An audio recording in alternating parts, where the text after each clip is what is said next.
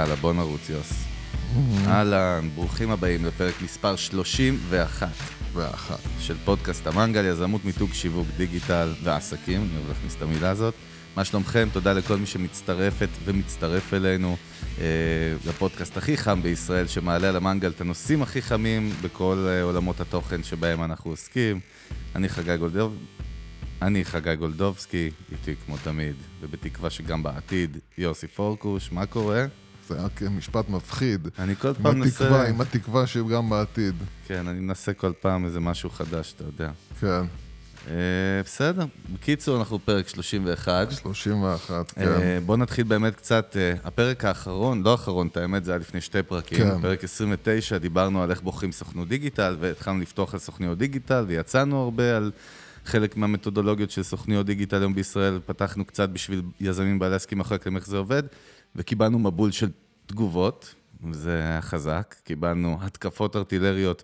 זה היה, זה היה מעניין וזה היה די צפוי, מבעלי עסקים ויזמים קיבלנו פידבקים מדהימים של תשמעו, אף פעם לא שמענו מישהו מדבר על זה ככה, אבל ומה אני עושה עכשיו, ו- וכאילו, זה, אשכרה זה מה שהולך, ואתה יודע, וכאלה.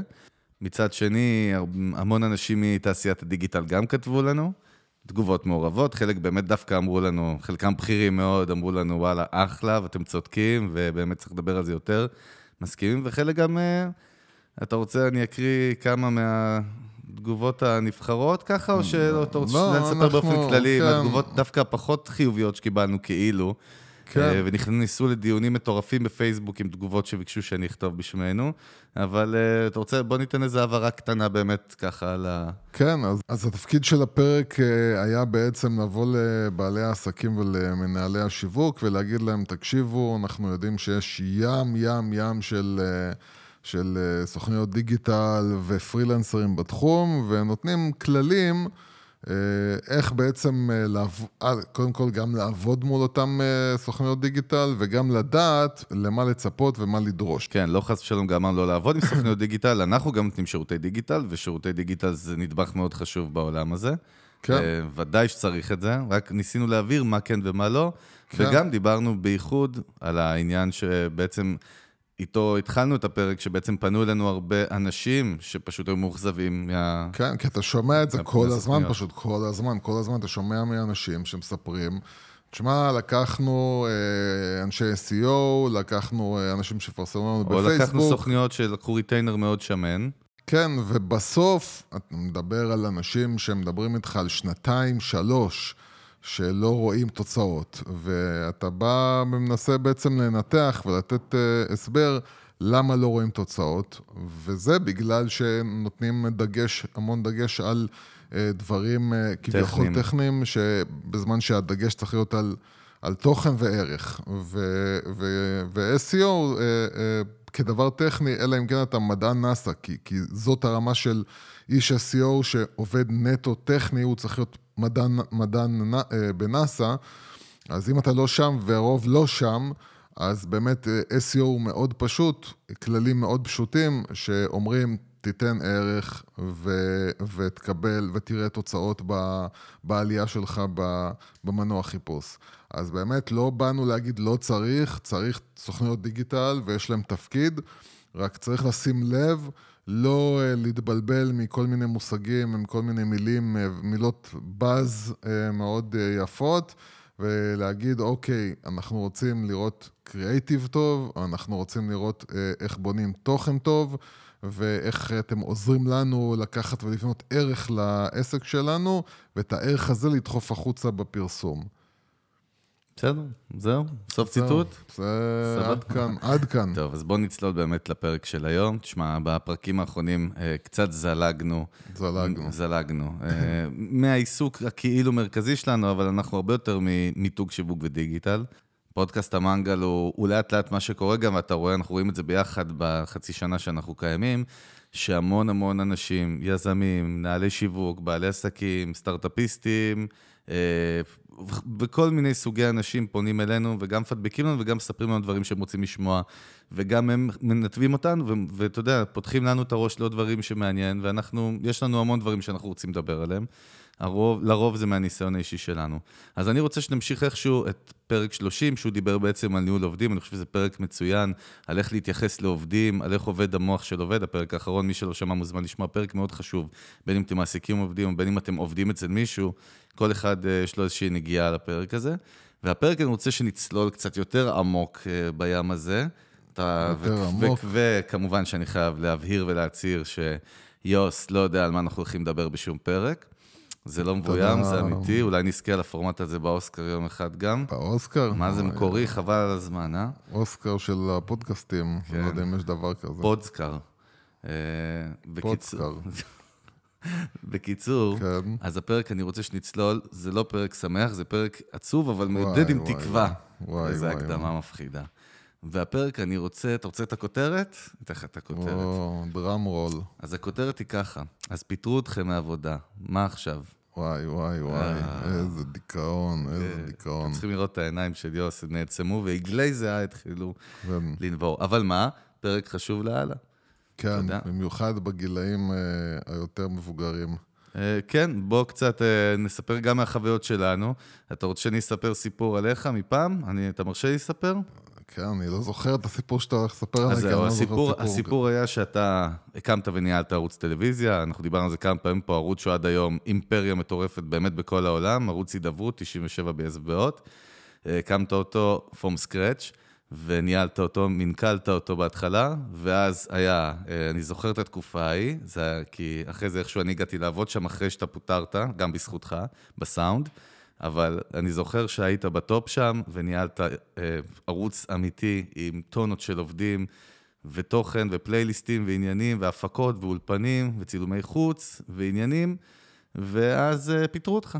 כן. אני זוכר את היום הזה. היינו אז בקשר טוב, אני ממש זוכר, זה היה גם רעידת אדמה כזה, כל מי שהכיר אותך ב- באזור שלנו, ככה, בתעשייה שלנו, ככה נדהם. ואז אני זוכר אותך, אה, אני אומר את זה פה מפורש, אני חושב שזה חלק מהעניין. זוכר אותך, קודם כל שהיית שבור מאוד. כן. אני גם זוכר, חזרת לעשות עריכות וידאו כאחרון עורכי הוידאו ולמצוא עבודות. אני, תקופה ההיא, הייתה תקופה קשה. כן. ובאמת ככה, אתה יודע, אנחנו גם, אני גם קורא הרבה, גם אני עברתי פיטורין. אה, הרבה אנשים מסביבנו עברו פיטורין, הרבה אנשים מפחדים מפיטורין, או הגרזן עכשיו בדיוק על, ה, על הצוואר שלהם, הם מרגישים שהולכים לפטר אותם. אנחנו דיברנו על זה קצת פרק הקודם, גם שהעולם התעסוקה השתנה מאוד. אם פעם ההורים שלנו יכלו להיות אה, מורים 35 או 40 שנה, או לעבוד בחברת חשמל עד הפנסיה, או עובד מדינה, הדברים האלה קצת השתנו היום, והיום כל אחד הוא מועמד לפיטורין באופן תדיר. אה, וזה משבר, משבר לא קטן, וזה קשור לעסקים בצורה ישירה, ואני רוצה שנפתח קצת בצורה מעודדת. מה... כן. טוב, יאללה, אחרי ההקדמה הארוכה שלי, כן. נתחיל לראות. אז אה, קודם כל, אה, לא שאנחנו ניכנס לסיפור שלי, אבל באמת אני, מה שנקרא, ראיתי את ה... ראיתי את הפיטורים שלי מגיעים ככה ממרחק כבר של קילומטרים, מכיוון שאני הייתי אה, באותה תקופה גם אה, יותר צעיר ויותר אה, אנרגטי, אז הייתי אה, לוחם על העקרונות שלי, ולא הייתי מוכן להתפשר, ו... כשלא מוכן להתפשר, אז אומנם אתה טוב, ומחזיקים אותך, מחזיקים אותך, מחזיקים אותך, בשלב מסוים למערכת נמאס ממני, ו... וזהו. ו... וככה אני אה, מצאתי את אה, סופי ב... באותה קריירה שבסופו של דבר...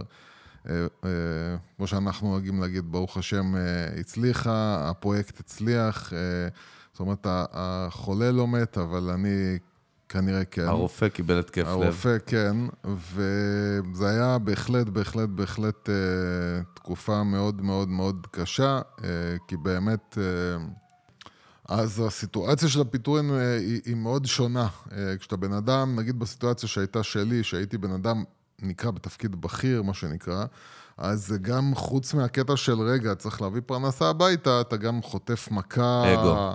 מכה לאגו, ו- ופתאום אתה היית במצב שאתה רגיל אה, שיש לך עובדים, ויש לך רכב, ויש לך תקציב, ואתה אומר לאנשים מה לעשות, ואתה מנהל אנשים, ופתאום אתה נהפך להיות מ-100 ל-0. וזה, אני יכול להגיד לך שזה היו שלושה שבועות, קודם כל, של בכלל להבין איפה אני נמצא.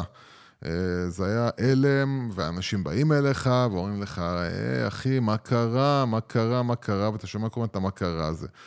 אז יש פה באמת שני אספקטים, יש פה את האספקט הפסיכולוגי, ויש פה את האספקט המעשי הכלכלי. אה, עכשיו, קודם כל, כדי לכסות את האספקט הכלכלי, אז באמת אנשים צריכים לדעת שעד כמה שאפשר, עד כמה שאפשר, הם צריכים לה, לה, לעשות שני דברים עיקריים, וזה קודם כל, אה, לא, לא, אה, לא להתרגל לחיות ברמה, אה, ברמת חיים גבוהה.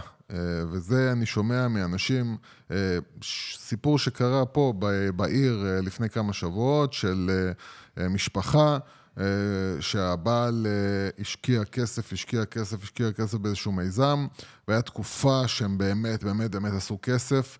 והם פשוט חיו עם חופשות ובגדים ורכב, וחיו ממש ממש בפזרנות, וביום אחד הכל התמוטט, והבן אדם פשוט הפך לפושט רגל. ועכשיו הסיטואציה היא שפתאום הילדים התרגלו לסטנדרט מסוים, ולקחו להם אותו. אז קודם כל, עד כמה שזה ברור שזה קשה, אבל בן אדם צריך להיות כל הזמן לא מוכן אה, בחרדה, אלא לדעת שהדברים משתנים. אה, הדברים לא כל הזמן אה, הולכים בקו ישר, ויש הפתעות בחיים.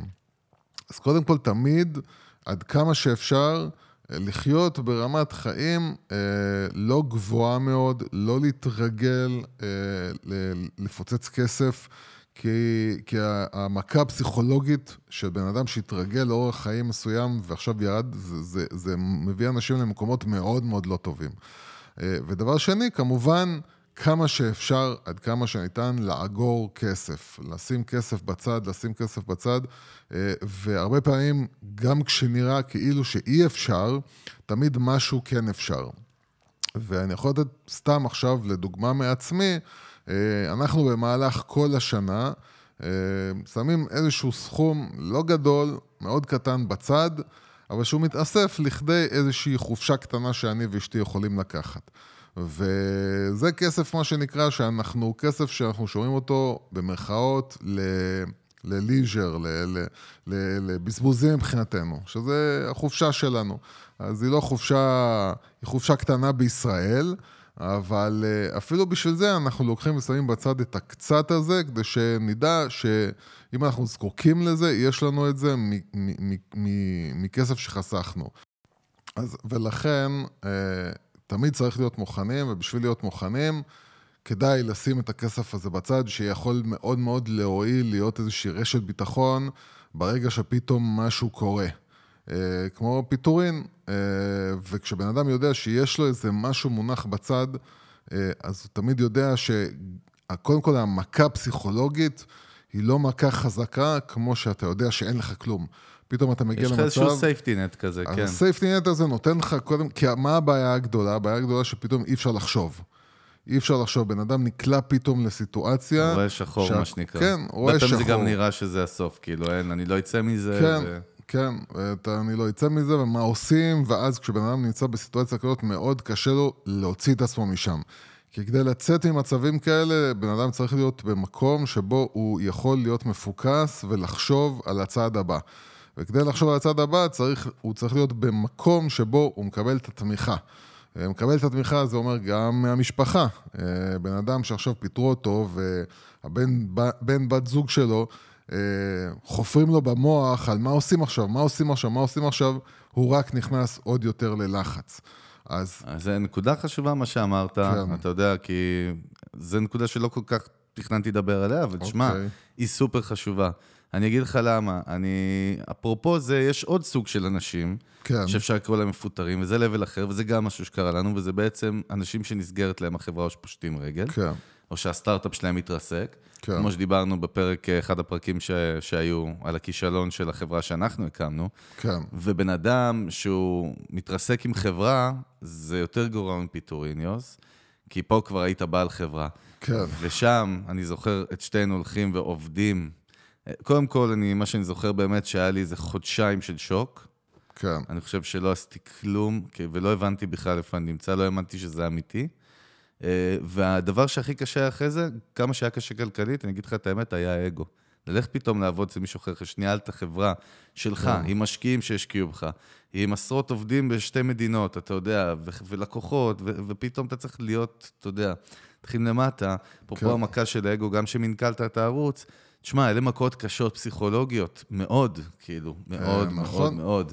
ובואו נדבר באמת קצת על ה... איך לייצב ואיך, באמת, דברים קצת יותר חיוביים על האגו וכלים, אתה יודע. זהו, אז קודם כל, זה נשמע כרגע מאוד, כאילו אני אומר משהו שהוא נורא מסובך, אבל באמת, באמת, באמת, אם בן אדם מפרק את, ה, את הדברים האלה בראש שלו, ומסתכל על זה בזווית נכונה, זה יכול להיות לא כזה מסובך אה, אה, להגיע ל state of mind הזה. וה state of mind האמיתי הוא ש...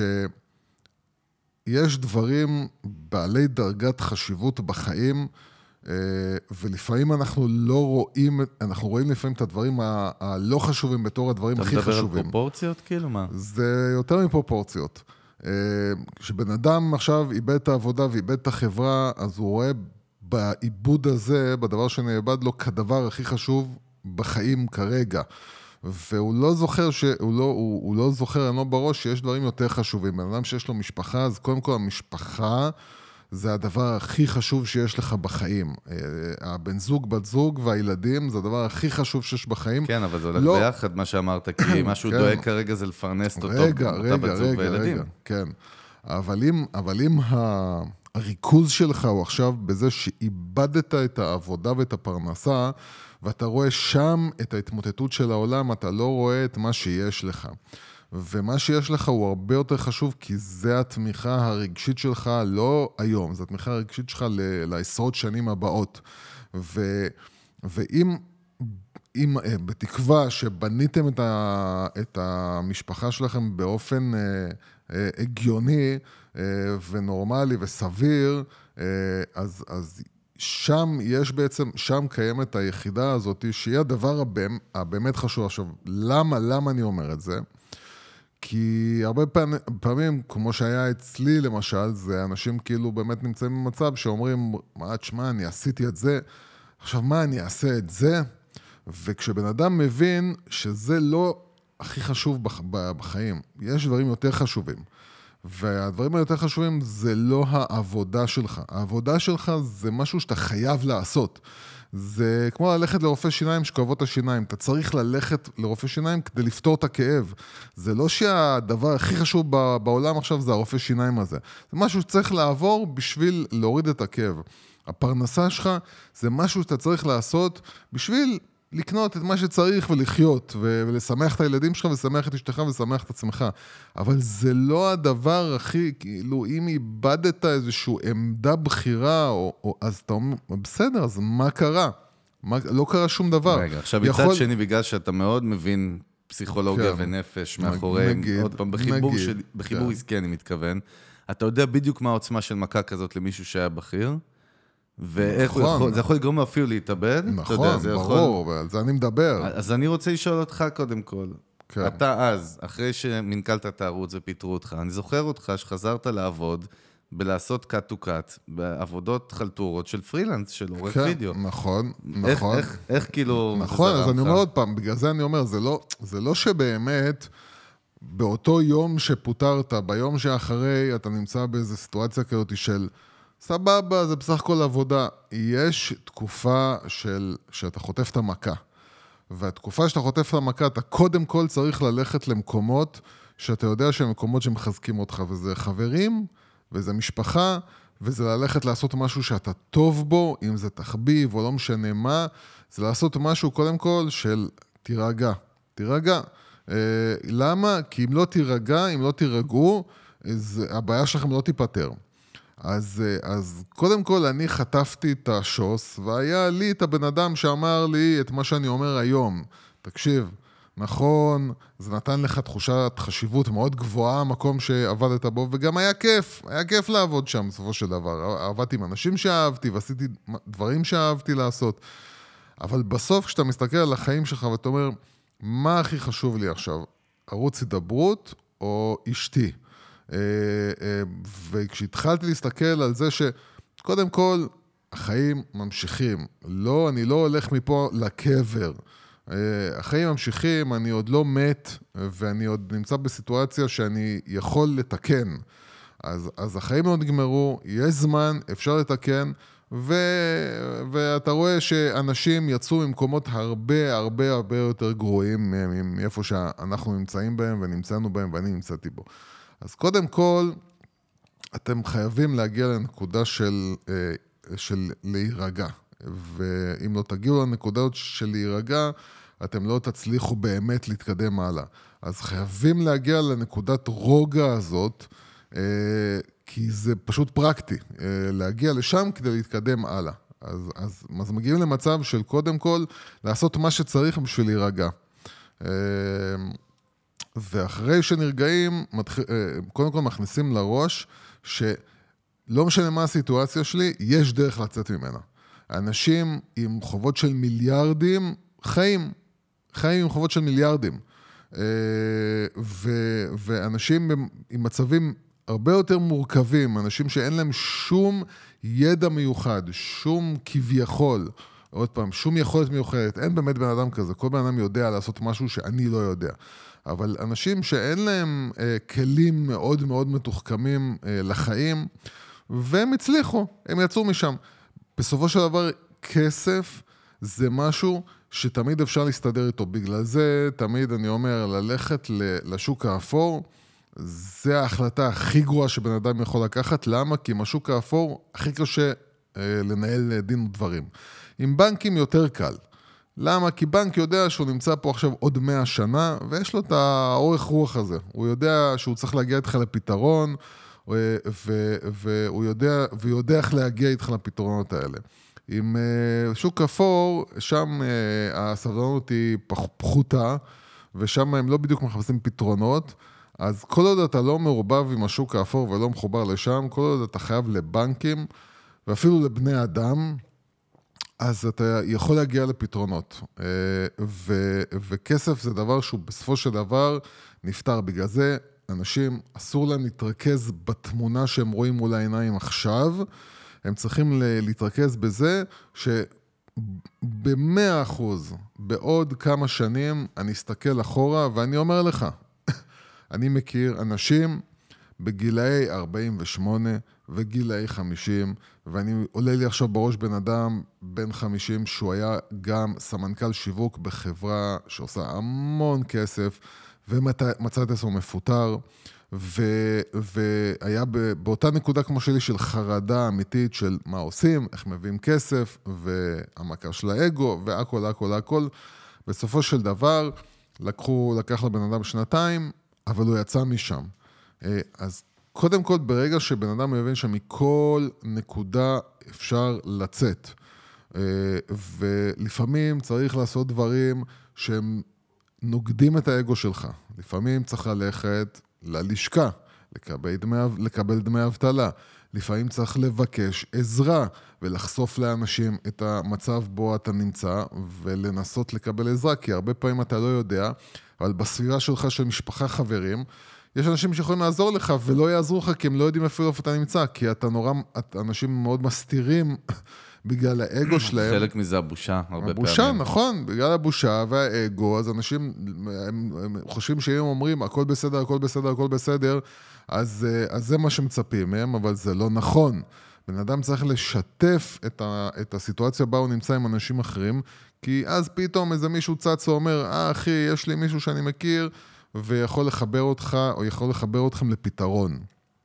אז, אז, אז בגלל זה, אה, גם חשוב, כמו שאמרתי, אה, לנסות לשמור עד כמה שאפשר על ראש צלול, לא לתת לשום פחד וחרדה לחדור פנימה, לאנשים שעכשיו יגידו לך מה עושים, מה עושים, מה עושים, להשתיק את כל הדיבורים האלה של מה עושים, מה עושים, מה עושים, ולהגיד עושים, בסדר? יכול להיות שאתה צריך יום, יומיים, שלושה בשביל... אה, בשביל להירגע קודם כל, אבל אחרי יום, יומיים, שלושה מתחילים לעבוד על תוכנית פעולה. אה, והתוכנית פעולה הזאת היא אה, יכולה להיות תוכנית ש, שבנויה על בואו נראה מה אני יודע לעשות טוב. אם, אם אתם אנשים שהם, בואו נגיד ככה, פחות מגיל 40, או בסביבות ההתחלה של גיל 40, אז עדיין זו סיטואציה שבה אה, שוק העבודה אה, די פתוח בפניכם, אה, ופשוט, כן, ללכת ולחפש עבודה אחרת, ויש עבודות. נראה לי שהכי כיף זה להיות מפוטר בין 20 ו-iOS. כן, כן. כשאני חושב כן. על זה בפרופורציות שלנו, זה מדהים, כאילו, fuck the world, אתה יודע, סבבה, אז פיטרו אותך, כאילו. כן. אנשים גם מתפטרים בגיל 20 ולא רק מפוטרים. כי הם יודעים שסבבה, אנחנו גיל 20 ו-30 וזה עוד גיל אה, מאוד נוח, ואין כמעט בן אדם שלא יכול בגיל הזה למצוא עבודה. זה כמעט לא קיים. אז בואו נדבר גם רגע על תעשיית ההייטק, ששם אנחנו תמיד גם אוהבים לספר על הלא כל כך ורוד שמאחורי התעשייה. וכמו שאנחנו יודעים, כבר דיברנו כמה פעמים גם בפרקים, ופונים אלינו אנשים שסיפרו לנו אה, על זה שפיטרו אותם מהעבודה כמתכנתים בדרך כלל באיזשהם אה, אה, משרות, ואז הם יכולים גם שנה לא למצוא עבודה, ולשקוע לייאוש, וללכת לרעיונות עבודה, אתה יודע איך זה עובד שם, הפרוסס כן. של ה-HR. אה, ומה אתה ממליץ לאותם אנשים? שמגיעים מהייטק, שמגיעים מהייטק, אה, עוד פעם, מתכנתים או אנשי טק שעכשיו פיטרו אותם והם לא מוצאים עבודה והם שנה כבר מחפשים כל- והלכו ל-20 רעיונות.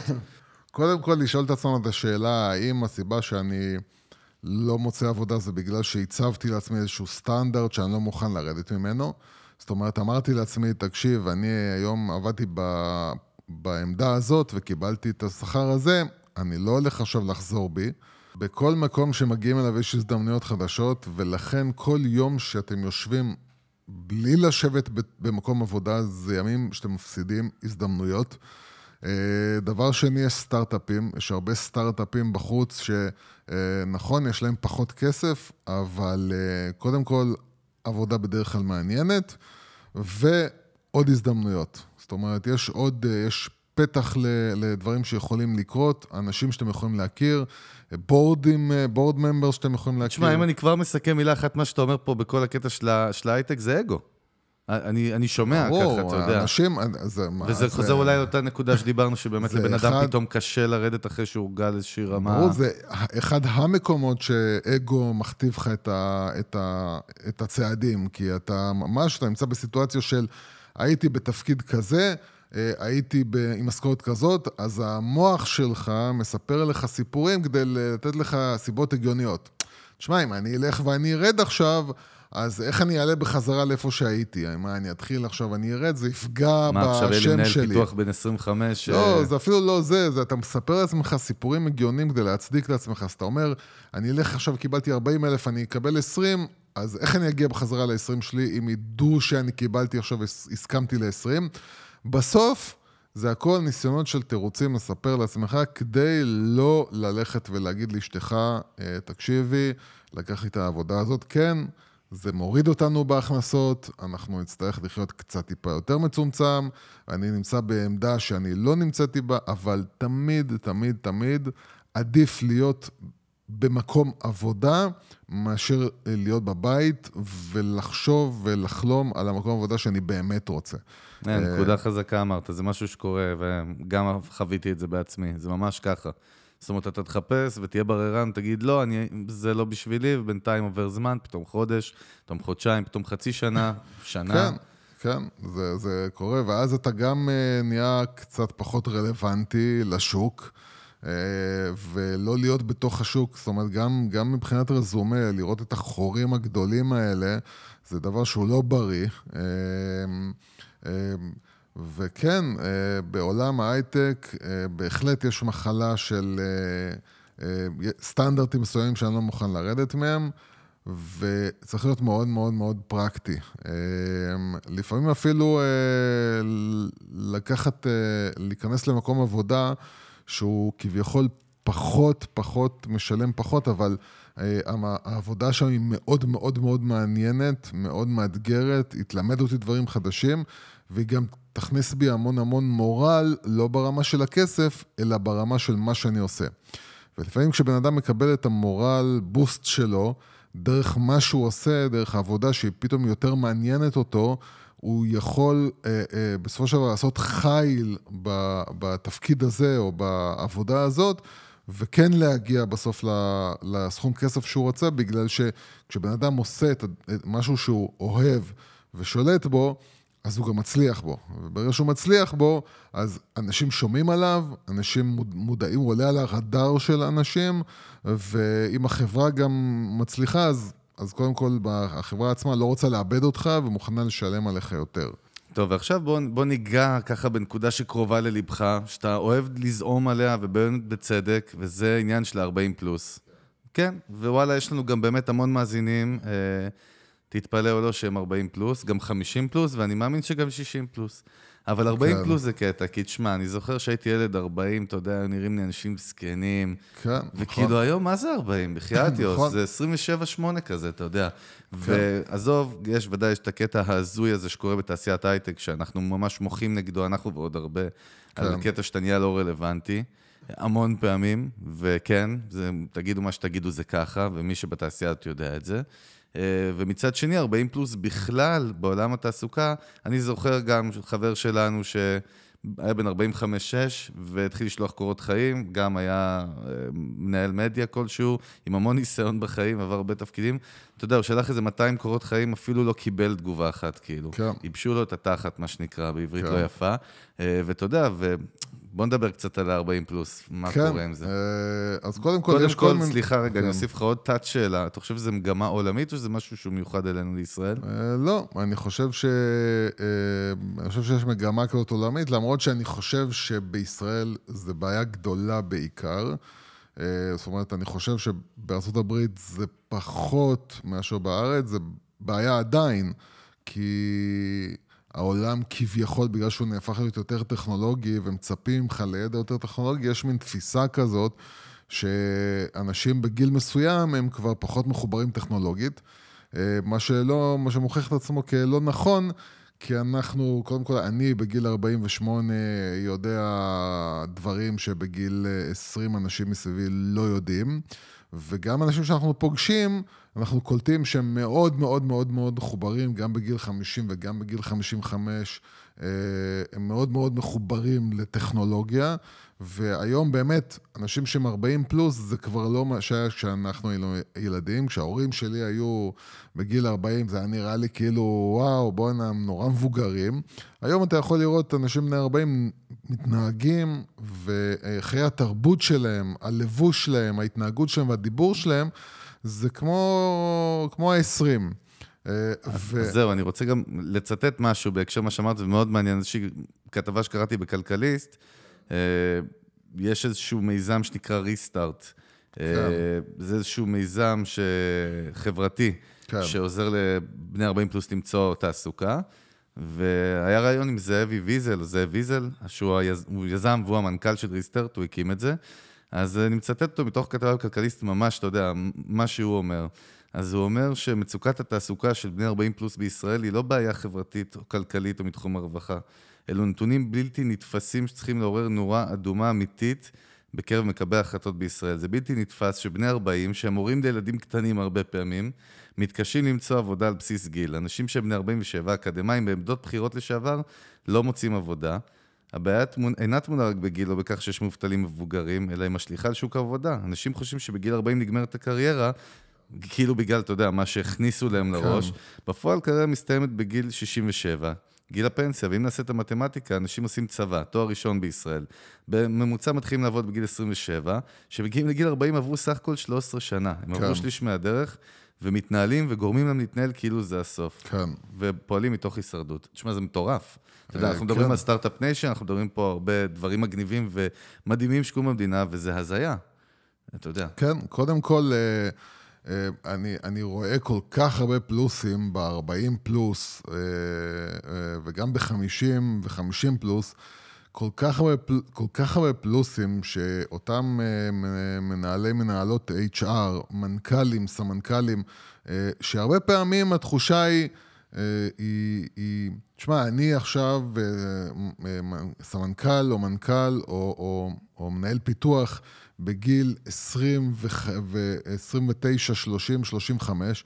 עכשיו, מה אני עכשיו אביא בן אדם שיעבוד תחתיי והוא יהיה בן 40 פלוס? זה לא, מה, זה לא הגיוני. וזו טעות, כי זה עוד פעם, זה בדיוק כמו המשחק של האגו. זה כל מיני דברים לא רלוונטיים. מכיוון שאותם אנשים בני 40 פלוס שאתם לוקחים, מעבר לזה שיש להם כבר... ניסיון? ניסיון. ויש להם פר, פרספקטיבה שהרבה אנשים צעירים רואים כדברים שהם סוף העולם, והאנשים האלה כבר עברו את זה, והם כבר יודעים איך פותרים את זה, הם כבר יודעים שפותרים בעיות הרבה יותר רציניות, והם הרבה יותר קולים. והרבה פעמים הילדים שלהם כבר ילדים שהם לא ילדים קטנים, שבוכים בלילה וצריכים עזרה, הם כבר ילדים שהם כבר גדולים והם עצמאיים, והם לא, החבר'ה האלה, בני 40 פלוס, הם לא צריכים לרוץ כל הזמן על ילד חולה ועל כל מיני בעיות, והם הרבה יותר נינוחים, ובאופן, אה, בכלל, עוד פעם, מי שעוד לא הגיע לגיל 40, אבל מי שעבר את גיל 40 כמוני, גיל 40 מביא איזשהו שקט איתו ואיזשהו יישוב הדעת שאי אפשר להבין אותו אם אתה לא נמצא שם. יש איזו הסתכלות מאוד מאוד מאוד... אה, מאוזנת לא שחור אולי. לבן. יש הסתכלות לא שחור לבן, שבגילאים צעירים, כל העולם מתחלק לשחור לבן. בגלל זה אתה רואה חבר'ה צעירים, נגיד, אה, נפרדים מהבן זוג או בת זוג, נפ... אה, נגמר העולם, נגמרו החיים, הם רוצים להתאבד, כי הם רואים הכל שחור לבן, והמציאות היא לא שחורה לבנה. אה, והחבר'ה, אותם חבר'ה מבוגרים, מסתכלים, יש להם הסתכלות מאוד מאוד נבונה, איכותית. ורגועה לחיים, וזו עזרה כל כך גדולה לעסק שלכם. אה, הם יכולים להביא איתם כל כך הרבה, תרבות כל כך כל כך טובה לעסק, שאני, אם הייתה לי היום חברה, הייתי מחפש את החבר'ה האלה. באמת, הייתי מחפש את החבר'ה האלה. זה פשוט תענוג לעשות את הערבוב הזה של חבר'ה שהם 40 פלוס, עם חבר'ה שהם צעירים ומאזנים אחד את השני, מושכים אחד את השני לכל מיני כיוונים. בזמן שהתחושה של החבר'ה הצעירים כאילו זה יהיה אוקוורד מה שנקרא. זאת אומרת, זו סיטואציה מאוד מוזרה. מה עכשיו, בחור בן 29-32 יהיה ביחד עם בחור בן, בן 45-50? זה לא, זה, וזה הפוך, הרבה פעמים החבר'ה של ה-40 פלוס, קודם כל, כמו שאמרנו, בן אדם בן 40 פלוס היום, ההתנהגות שלו היא כמו בן אדם בן 20 אה, ומשהו לפני אה, שנים. אה, אז ככה ש... ההבדלים הם לא כאלה שונים. הרבה פעמים הם רואים את אותן תוכניות טלוויזיה, וגם נגיד אם המוזיקה היא לא אותה מוזיקה, זה אותו עולם תרבותי, המרחקים הם לא כאלה גדולים. ו, ואני רואה פה כל כך הרבה פלוסים שזה מדהים אותי, מדהים אותי, ולא רק בעולם ההייטק, גם בכלל בחברות ועסקים אה, שהם או לואו-טק, או הייטק בעקיפין, לא, לא, לא קודים ודברים כאלה, שמחפשים כל הזמן את החבר'ה הצעירים ו, ולא מגיבים לקורות חיים ולא נותנים צ'אנס. ויש גם את העניין הזה של ה...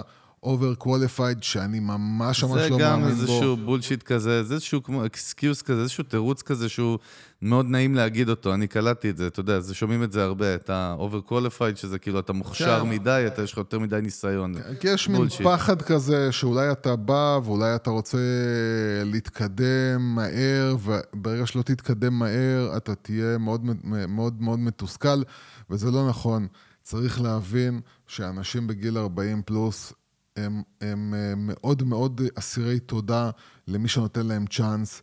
הם מחפשים בגיל הזה כבר משהו מאוד סטבילי. אנשים בני 40 פלוס מחפשים את היציבות הזאת. זהו, אתה יודע, אנחנו שוכחים שבהייטק אנשים פה, כל מיני אנשי המשאבי אנוש בוכים שכולם פה מחליפים עבודות ובורחים להם אחרי שנה, שנתיים. כן. ופה יש אנשים באמת שיכולים, אה, אתה יודע, זה יכול להיות אנשים אה, באמת לא פחות ממדהימים. אה, כן, זה יכול להיות אנשים שבאמת עברו, עברו המון המון המון ניסיון, זה בסופו של דבר מאוד אינדיבידואלי, טוב.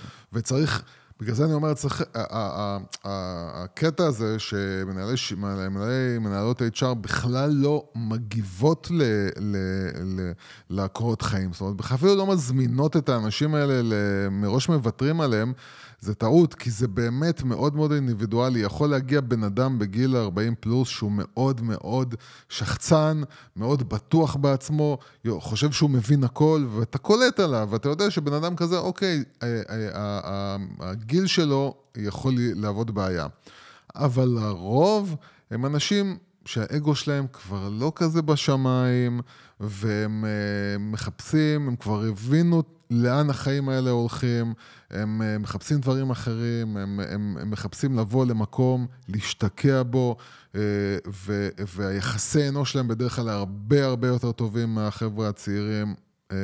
לפעמים, בדרך כלל. טוב, אני חושב שהשינוי הזה לא יבוא מנהלות HR, אלא ממקבלי החלטות בחברות, זה כן, ודאי ברור, לך. כן, ברור שהמנכ"לים צריכים לבוא בתפיסה, ולהגיד. כן, כן. וכולם אוהבים לדבר יפה כלפי חוץ, אבל בסופו של דבר כל אחד כלפי עצמו בפנים בתכלס צריך לעשות איזשהו שינוי. אה, כן. טיפ ככה שלך לבני 40, בני 40 פלוס שמחפשים עבודה ופיטרו אותם ולא מוצאים? תן איזה טיפ מעודד, יוס. אה, וואה. אה, קודם כל, להתחיל באמת לחשוב על... קודם כל זה לא הסוף. זהו, אז קודם כל להבין שהסוף זה רק, אה, זה רק למי שיש מחלה סופנית, וגם אז זה לא תמיד הסוף, אבל זה פחות או יותר הסוף. כשהולכים למות זה הסוף. כל עוד לא הולכים למות, אז אה, שום דבר לא נגמר, אה, והפוך, ככל שאתם תיקחו את עצמכם, ב, תכניסו את עצמכם ל-state of mind הזה שיש מחר, יש איך לצאת מזה, ותשתפו. תשתפו, תשתפו, תשתפו, אה, אה, תכניסו את עצמכם ל-state of mind כזה של אה, יאללה, אוקיי, מה עושים? עכשיו, מה עושים? זה יכול להיות שזאת הזדמנות לבוא ולהגיד, אוקיי, בוא נעשה את הדבר הזה שאף פעם לא העזתי לעשות, ועכשיו פתאום, לא יודע מה, בן אדם אוהב אופנועים, חולה אופנועי ארלי דוידסון, יאללה, בוא נלך לעבוד ב... אתה יודע, משהו מטורף. בחברה שמוכרת אופנועים, ביבואן אופנועים, או במוסך אופנועים. לא יודע, פתאום, בום, נעשה משהו אחר. או בן אדם שיש לו כישרון שהוא פיתח אותו בתור תחביב, ועכשיו הוא, אה, אתה יודע, היום בעידן האינטרנט, אה, האינטרנט, זה כבר נשמע כמושג ישן כזה, עידן האינטרנט. אז, אה, אז אנשים באמת עושים כסף על תחביבים, זאת אומרת, אנשים... פותחים, לח... פותחים אה, אתרים או ערוצי יוטיוב על תחביב, ו... ו... ועושים פודקאסטים על תחביב, והופכים להיות, אה, יכולים בעצם לפתח איזשהו פרסונל ברנד כזה, אה, ואיזשהו עסק סביב איזשהו משהו שהם מאוד אוהבים. ולהתחיל אותו בקטן, ולהתחיל אותו לא בסיכונים גדולים, אבל בגיל כזה, כן, יש לכם כבר את הניסיון, יש לכם כבר את ה-state of mind הנכון, בואו, תתחילו לעשות בוא, uh, עסק. תשמעו קודם כל את כל הפרקים של המנגל. זה ודאי, חובה. ותחברו את זה לעסק שלכם. אבל בקיצור, אני חושב באמת שהמסר הכי גדול הוא מאוד קיצ'י, מאוד נדוש, אבל מאוד אמיתי. לא להתייאש, לא הכל שחור. כרגע זה שחור, זה יעבור. זה יכול גם לחשל, זה יכול לקדם, אתה יודע איך זה נסגרת דלת נפתחות שתיים, כל הסלוגנים כן, הקיצ'ים בעולם פה אבל, הם מאוד רלוונטיים, הם אמיתיים. זהו, בשביל לא להיות קיצ'י ולהגיד קודם כל דברים שאנחנו עברנו ודברים שאנחנו לא אומרים אותם uh, סתם, אלא באמת זה אמיתי, ו, ו, וזה נראה כן, מאוד... היינו במקומות מאוד שחורים, אנחנו לא פותחים פה, אתה יודע, המון, אבל כן. אנחנו, כל מה שאנחנו מדברים פה, עברנו. כן. בכל וריאציה אפשרית כמעט. כן, אז, ו, ואנשים, הבעיה עם אנשים זה שברגע שאתה אומר להם איזשהו משפט כזה של סטיקר, אומרים לך, בסדר, שמענו, משפט והבעיה... משפט של רג'ניש. אז, אז הבעיה שברגע שאומרים לאנשים איזשהו משפט כזה יפה, אז הם עכשיו נכנסים למגננה, הם נחסמים ואומרים, אה, טוב, בסדר, שמענו את כל הדיבורים, וזאת הבעיה האמיתית. כי באמת הדיבורים האלה הם אמיתיים, המשפטים הם אמיתיים והסטיקרים הם אמיתיים, אתם הבעיה. בגלל שאתם חוסמים את עצמכם, אתם לא מאפשרים לעצמכם לבוא ולקבל את המוטיבציה הנכונה ולהתחיל, כמו שאמרנו, להתחיל לשתף ולהתחיל לחפש את ההזדמנות, את ההזדמנויות האלה. להתחיל להוריד את האגו, זה הכי קשה. להוריד את האגו, ודאי, כן. ולחשוף את הבושה. להוריד את האגו, וגם עוד פעם להסתכל על החיים, ו- ו- ואם זכיתם ויש לידכם בן, בת זוג אה, אה, נפלאים. או משפחה תומכת, חבר טוב, וילדים, אחות... ילדים ש... ש, שאתם אוהבים והם אוהבים אתכם חזרה, וזה גם משהו שכדאי מאוד לטפח, כי זה הדבר האמיתי. אה, ברגע שיש את זה, ואתם מסתכלים על זה בתור, זה בתכלס החיים האמיתיים. עזבו אתכם, עבודה זה עבודה, עבודה זה כסף, עבודה זה לא חיים, וזה לא, ה, לא המנוע שלכם, לא בשביל זה אתם צריכים לקום בבוקר. זה נפלא אם זה קיים, זה נפלא אם יש לך עבודה שאתה אוהב ואתה קם בשבילה בבוקר. בסוף, הדברים האמיתיים זה אהבה, זה חברות, זה זוגיות, זה הדברים האמיתיים. ובשבילם אתה, אתם קמים בבוקר. אני ממש מרגיש שאני יושב מול גורו במקדש עכשיו בזה, כן, אתה יודע. כן, כן, אני, אני, אם אנשים היו חכמים, היו מקימים כת סביבי. זה אולי אם, נקים אם עוד, חכמים, את כלי המיתוג להקים כת יש לנו. ועם כל הקיצ'יות היפה שהיא אמיתית, אני אוסיף, אנחנו, הסיבה שעשינו את הפרק, כי אנחנו יודעים באמת כמה זה שחור וקשה. וזה על הפנים של מציאות. ואנחנו באים לנסות לעודד, וגם באמת... ו- ודרך אגב, אנחנו דיברנו על אה, א', אה, אה. וואי, בוא'נה, נכון, נכון שכחתי. נכון. אז רגע, בואו אני אזכיר, באמת כן. פרק שעבר. דיברנו על חבר טוב שלנו, אה, בן 48, שאחרי שהוא היה מנהל מאוד בכיר גם בחברת מדיה הרבה שנים, פוטר והגיע לעבוד באיזה מקום, ועשו ממנו ממש סמרטוט רצפה, והוא היה בדיכאון, ממש סיפרנו על פרק שעבר, מי שרוצה כן. להאזין, פרק 30.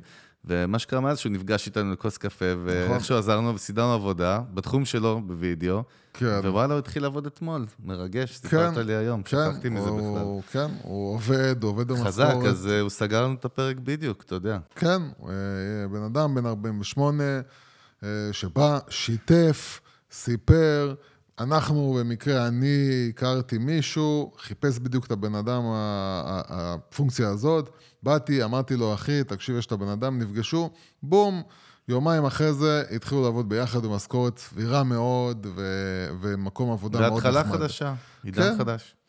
טוב, חברים, yep. אה, קודם כל, אה, בנימה אופטימית זו, אנחנו מבקשים מכם, אם אתם מכירים מישהו שעכשיו, או מישהי שפיטרו אותה או אותו, יושבים בבית. אם פיטרו אתכם, זה ברור שאתם מאזינים לנו כרגע, אבל אם אתם מכירים מישהו כזה שנמצא כרגע, שלב כזה בחיים, תשתפו איתו, איתה את הפרק, חשוב מאוד.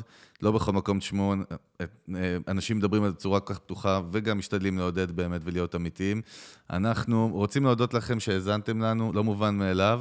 אלפים על אלפים, פורקוש על אלפים. כן, והגיע בשבוע. הזמן, דרך אגב, שגם אנחנו נבקש משהו, וזה אנשים שעזרנו להם. אה, סייענו להם באיזושהי דרך, נתנו להם ערך. בבקשה, כנסו לדף הפייסבוק שלנו, אה, תתנו לנו שם review, אה, אם אהבתם אז review טוב, אם פחות אהבתם אז תהיו אמיתיים, מה שאתם חושבים, אבל חשוב מאוד, חשוב לנו. הפידבק שלכם חשוב כן, לנו. כן, ו- ופשוט להיכנס, להשקיע שתי דקות, לתת לנו את ה... את ה... לתת את החוות דעת שם בדף פייסבוק שלנו, באזור של החוות דעת של ה-reviews. וככה אנשים אחרים שנתקלים בדף הזה יכולים גם אה, להבין שהדף הזה, הפודקאסט הזה עוזר, ולהצטרף לקהילה שבאמת הולכת וגדלה ממש, ממש, ממש. עולמית. כן. כן. טוב, פורקוש, אחלה. Yep. ריגשת אותי היום. ראיתי את הדמעות. חברים, תודה רבה באמת לכל מי שהאזין והאזינה לנו. אנחנו היינו צוות המנגל, תעקבו אחרינו בדף הפייסבוק, בכל הרשתות החברתיות, בכל אפליקציות אה, הפודקאסטים, ספוטיפיי, סטיצ'ר, אייטיונס, גוגל פודקאסט. אפשר להזין לנו באמת בכל מקום. מה עם יוטיוב? אנחנו עוד שם, יוטיוב, ביוטיוב, אה, כן. לינקדאין. אנחנו בלינקדאין, אנחנו בכל מקום, פורקוש. אי אפשר להתחמק מאיתנו. חוץ, אה, לא יודע, כל פלטפורמה שמכירים, אנחנו שם. anyway, אנחנו היינו צוות המנגל, אני חגי גולדובסקי, Brand Nation, כמו תמיד, יוסף פורקוש. Brand אייל, יאללה, נתראה ממש בקרוב, פרק 32. כל טוב. ביי.